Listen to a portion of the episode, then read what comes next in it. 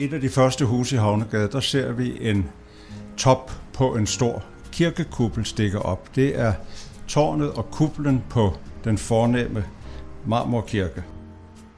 Og det er et af de tårne, eller en af de kupler, man kan komme op i. Der er jo ikke ret mange steder i København, du kan komme op i kirketårnet. Men du kan det i Frelserkirken, du kan det i Marmorkirken, du kan det på Christiansborgstårn og i Rådhustårn. Der kan du komme op og kigge ud, og så kan du gå i rundetårn. Marmorkirken er jo, som jeg lige har sagt, et af de steder, man kan komme op og få en fin udsigt. Man kan komme helt op, og man kan komme sådan et mellemstykke op. Og det foregår indvendigt i sådan nogle snegleopgange. Og jeg får sådan lidt klauster.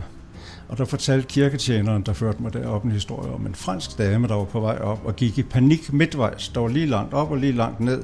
Og så råbte hun i det her hellige hus, mærte, mærte, mærte. Det betyder lort. Så skal man derop, skal man være forberedt på, at det er kravle, og det er godt nok snævert. Den bygning, den kirke, er fra 1894 og er kommet dumpende noget senere end det, der var planlagt. Den hedder Marmorkirken, eller helt korrekt Frederiks Kirke, fordi den ligger i Frederiksstaden. Oprindeligt tegnede Nikolaj Eichved, som både har lavet Eichveds Pakhus, man også kan se herfra, og Christianskirke. Han tegnede grundplanen i Frederiksstaden, og dermed Amalienborg Palæren, og så var der en kirke. Men den blev aldrig færdig. Det endte som en ruin, den blev revet ned, og så kom her Titgen, den rige mand, hvis tårn vi lige kan se herfra. Han kom og tilbød byen at lave en marmorkirke, en stor kirke der. Og er altså så forholdsvis ny som 1894. Et flot kirkerum.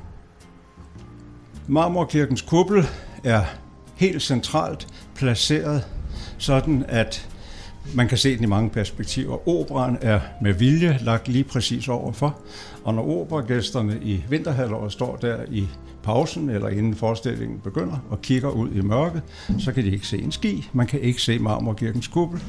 Der har været masser af planer om at belyse den, og der var engang en så konkret plan, så det var lige ved at blive virkelighed, og så klagede dem, der boede omkring dig, og sagde, nej, det kan vi ikke have.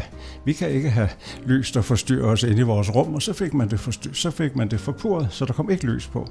I stedet for at skrive for myndighederne, køb en patient eller rullegardin og hold i øvrigt deres kæft, fordi vi andre vil sgu da også godt nyde byen. Man kan da ikke bo i nærheden af Notre Dame eller så kan i Paris, og så sige, at vi bliver forstyrret af lyset, så må man skulle rulle ned, hvis man ikke kan tage det. Altså, det er jo også en ting at bo i en by.